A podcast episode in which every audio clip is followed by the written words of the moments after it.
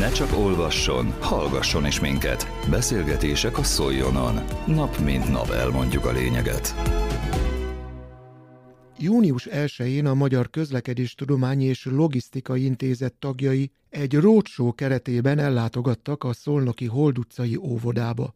Az eseményen a nagycsoportos óvodások számára szerveztek közlekedésbiztonsági programot. A résztvevők közül a Csiga csoport egyik lelkes csemetéje Köllő Judittal osztotta meg közlekedési szokásait. Picsveredi Réka Gabriella Y-nál. Én azt már nagyon várom, hogy anyukámnak mondjam, hogy vegyen nekem egy, egy olyan ruhát, ami fényvisszaverős, és kettő lámpát a bicajomra.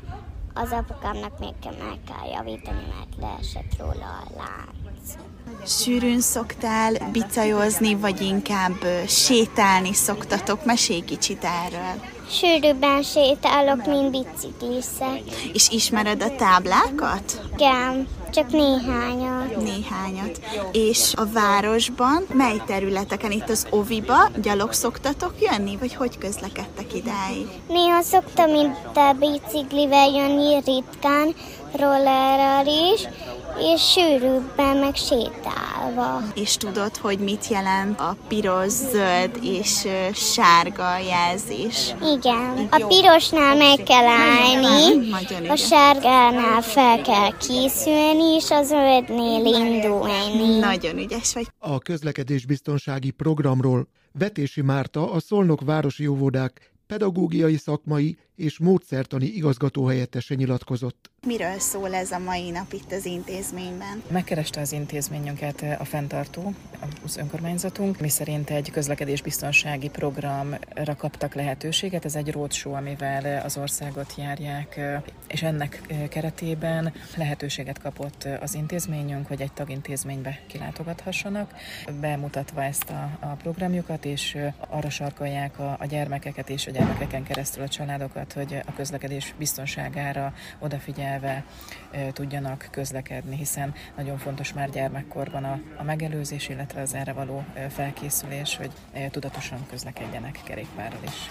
Az óvodások számára egyébként a mindennapjaikban mennyire van beépülve ez a tematika? A Szolnokvárosban négy tagintézményünk 2020-21-ben sikeresen pályázott a Biztonságos Óvoda programra.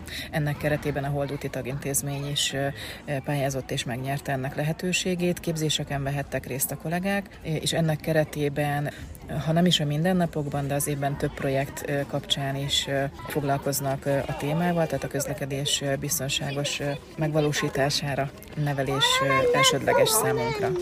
Mennyire nyitottak egyébként a tematika iránt a gyerekek? Nagyon, hiszen a mozgás az elsődleges a gyermekek számára, úgyhogy nagyon, nagyon fontos, illetve az a szabálytudat, amelyet indukál ez bennük, az, az nem csak a mozgás, a közlekedés területén, hanem az iskolába készülés szempontjából is nagyon fontos. És a mai nap folyamán mindegyik csoport kap egy kis belekostolást, úgymond ebbe a tematikába? Ez a program kifejezetten most a nagycsoportos korú gyermekek számára valósul meg, de egyébként a tagintézményben minden korcsoportunk merítkezhet ebből a tudásból. Vetési Mártát a Szolnok Városi Óvodák pedagógiai szakmai és módszertani igazgatóhelyettesét hallották. Közélet, politika, bulvár. A lényeg írásban és most már szóban is. Szóljon a szavak erejével!